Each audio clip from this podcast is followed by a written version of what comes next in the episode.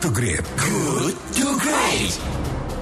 107,1 Kilat FM Bandung Inspiring Sound Terima kasih sahabat Kilat Anda masih bersama dengan kami di Good to Great Because good is the enemy of great Dan tiba saatnya kita masuk ke sesi diskusi Untuk hari ini edisi Jumat 13 Maret 2020 Kami mengangkat tema bagaimana membentengi sekolah dari virus corona Upaya apa yang dilakukan Satuan Pendidikan Pasca dikeluarkannya surat edaran Mendikbud tentang pencegahan penyakit COVID-19.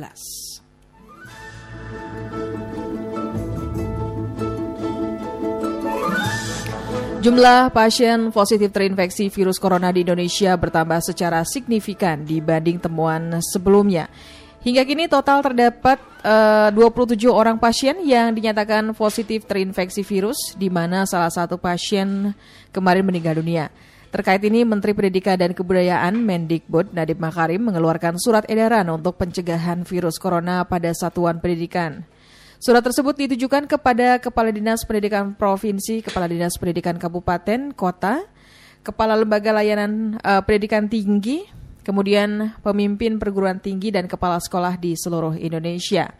Nadi menghimbau satuan pendidikan di Indonesia untuk melakukan sejumlah instruksi dalam rangka pencegahan perkembangan dan penyebaran corona atau COVID-19 di lingkungan satuan pendidikan. Tercatat ada 18 poin instruksi Mendikbud sebagai bentuk upaya mencegah penyebaran virus corona. Di antaranya mengoptimalkan peran usaha kesehatan sekolah atau UKS atau unit layanan kesehatan di perguruan tinggi dengan cara berkoordinasi dengan fasilitas pelayanan kesehatan setempat, maksud kami, dalam rangka pencegahan penyebaran COVID-19 berkomunikasi dengan Dinas Kesehatan, Dinas Pendidikan, dan atau lembaga layanan pendidikan tinggi setempat untuk mengetahui apakah Dinas Kesehatan telah memiliki uh, semacam rencana atau persiap, persiapan dalam menghadapi COVID-19 memastikan ketersediaan sarana untuk cuci tangan pakai sabun atau CTPS dan alat pembersih sekali pakai tisu di berbagai lokasi strategis di satuan pendidikan, memastikan bahwa warga satuan pendidikan menggunakan sarana CTPS minimal 20 detik dan pengering tangan sekali pakai sebagaimana mestinya dan perilaku hidup bersih sehat atau PHBS lainnya dan memastikan satuan pendidikan melakukan pembersihan ruangan dan lingkungan satuan pendidikan secara rutin, khususnya handle pintu, saklar lampu, komputer, papan tik atau keyboard dan fasilitas lain yang sering terpegang oleh tangan. Nah, sahabat kelet, untuk diskusi kita di pagi hari ini kita menghadirkan narasumber yaitu Bapak Insinyur Haji Yesa Sarwedi Hamiseno MPD selaku Kepala Bidang Pembinaan SMA Dinas Pendidikan Jawa Barat.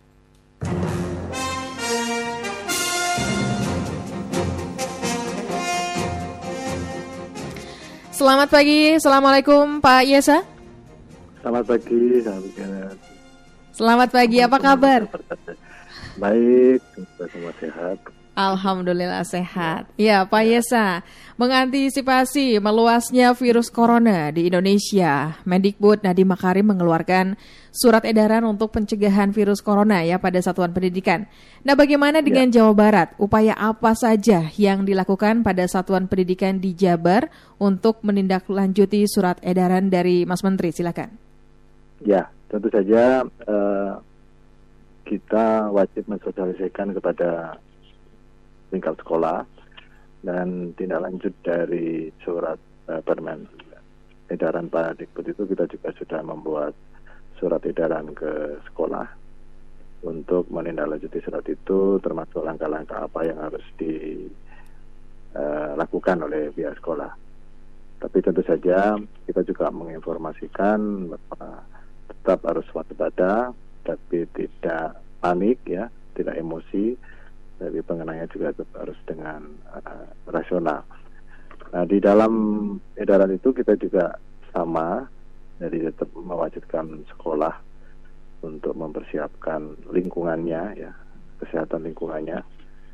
Kemudian juga mulai mempersiapkan sarana prasarana ya termasuk uh, sosialisasi kepada siswa tentu saja kepada mm -hmm. guru pada lingkungan untuk selalu waspada dan menjaga kebersihan.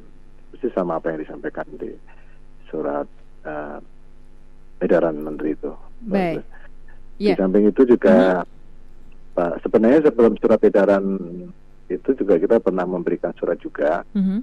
dalam eh, rapat-rapat kita dengan MKKS musyawarah termasuk dengan cabang-cabang dinas Mhm. dan tidak lanjut apa sebelum keluar edaran itu sebenarnya bahwa kita tetap harus waspada terutama setelah ada kasus pertama di eh, Depok waktu itu ya Betul. di eh, Mhm. Iya. Pak Ye- dan eh, seminggu lalu kalau nggak salah eh, Mhm. Pak Gubernur juga sudah memanggil semua kepala dinas kabupaten kota Mhm. dan kita adakan rapat koordinasi untuk eh, pencegahan ya preventif COVID-19 di satuan pendidikan. Mhm. Nah, dan beliau juga sudah memberikan beberapa arahan di kepada para kepala dinas. ya. Karena kalau dinas pendidikan sebenarnya kan wilayahnya di SMA, SMK, Mhm. SLB, kalau eh, SD, SMP itu di dinas pendidikan kabupaten kota. Nah, jadi supaya seragam eh, preventifnya. Mhm. Mhm. Baik, Pak Yesa, ini eh, poin-poin apa saja yang ditekankan dalam surat edaran yang sebelumnya eh, belum rutin dilakukan di sekolah-sekolah? Eh, sama, jadi menjaga kesehatan lingkungan sekolah, kemudian wajib eh, cuci tangan ya, Mhm. dan menyediakan sarana di itu, kemudian sudah mulai eh, diharapkan menunda kegiatan-kegiatan yang eh, melibatkan komunitas siswa yang banyak di luar terutama ya, Eh, kemudian juga eh, mengizinkan siswa-siswa yang kalau memang merasa kurang sehat Mhm. ya, jadi tidak ada apa namanya eh, teguran atau apa kaitan dengan ketidakhadiran absen tersebut Mhm. Baik. ya poin-poinnya itu kebanyakan sih Mhm. Ya, ini eh, rencananya mulai kapan diberlakukan Pak Yesa di Jabar?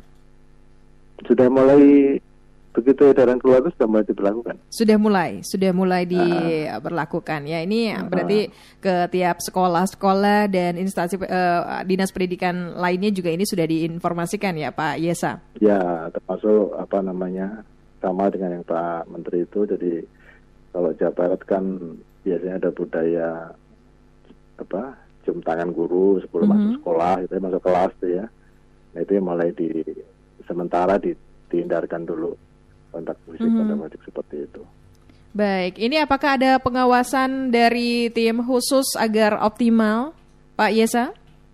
Eh, ada jadi dari sekolah-sekolah itu kan ada pengawas sekolah ya Mhm.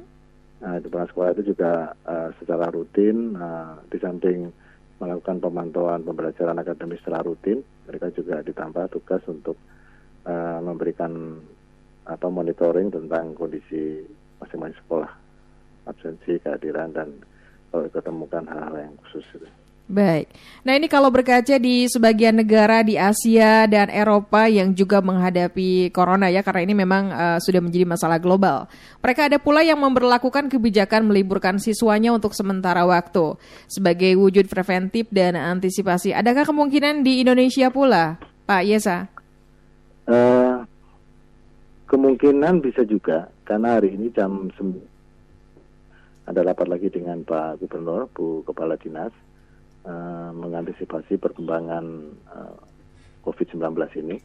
Dan kalau memang dipandang perlu ya kalau memang jumlahnya kan di dalam di dalam jadi perlakuannya itu per khusus persatuan pendidikan diharapkan itu. Kalau memang di satuan pendidikan itu memang ada gejala yang gejala yang eh, cukup banyak ya mungkin diliburkan sementara itu Baik. dan protokolnya kan di Pak Menteri juga ada jelas mana yang apa tingkat ti- rendah, tingkat menengah dan tingkat tinggi itu jadi mana yang harus dilakukan.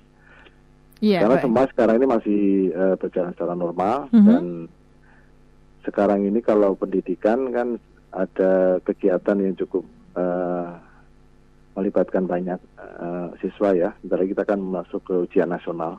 Mhm. ujian nasional SMK nanti hari Senin itu Mhm. pun tetap berjalan dan tapi tetap eh, dikeluarkan lagi surat edaran dari BSNP tentang protokol pelaksanaan ujian nasional.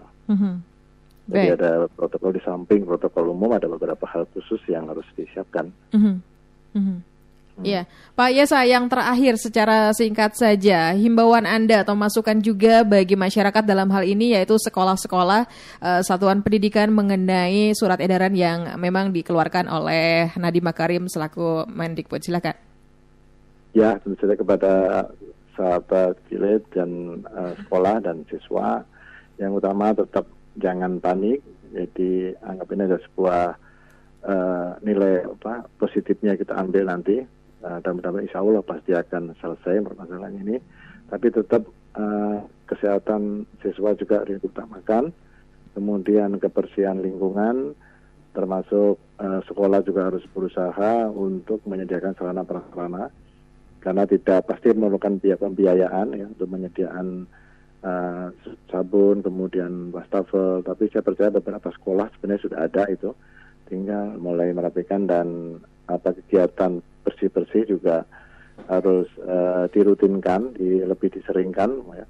terutama di bagian-bagian yang memang sering uh, bersentuhan dengan uh, dengan siswa ya, misalkan di uh, ruang praktek, kemudian di di kelas ya, media-media pembelajaran yang sering disentuh siswa itu harus juga harus sering dibersihkan.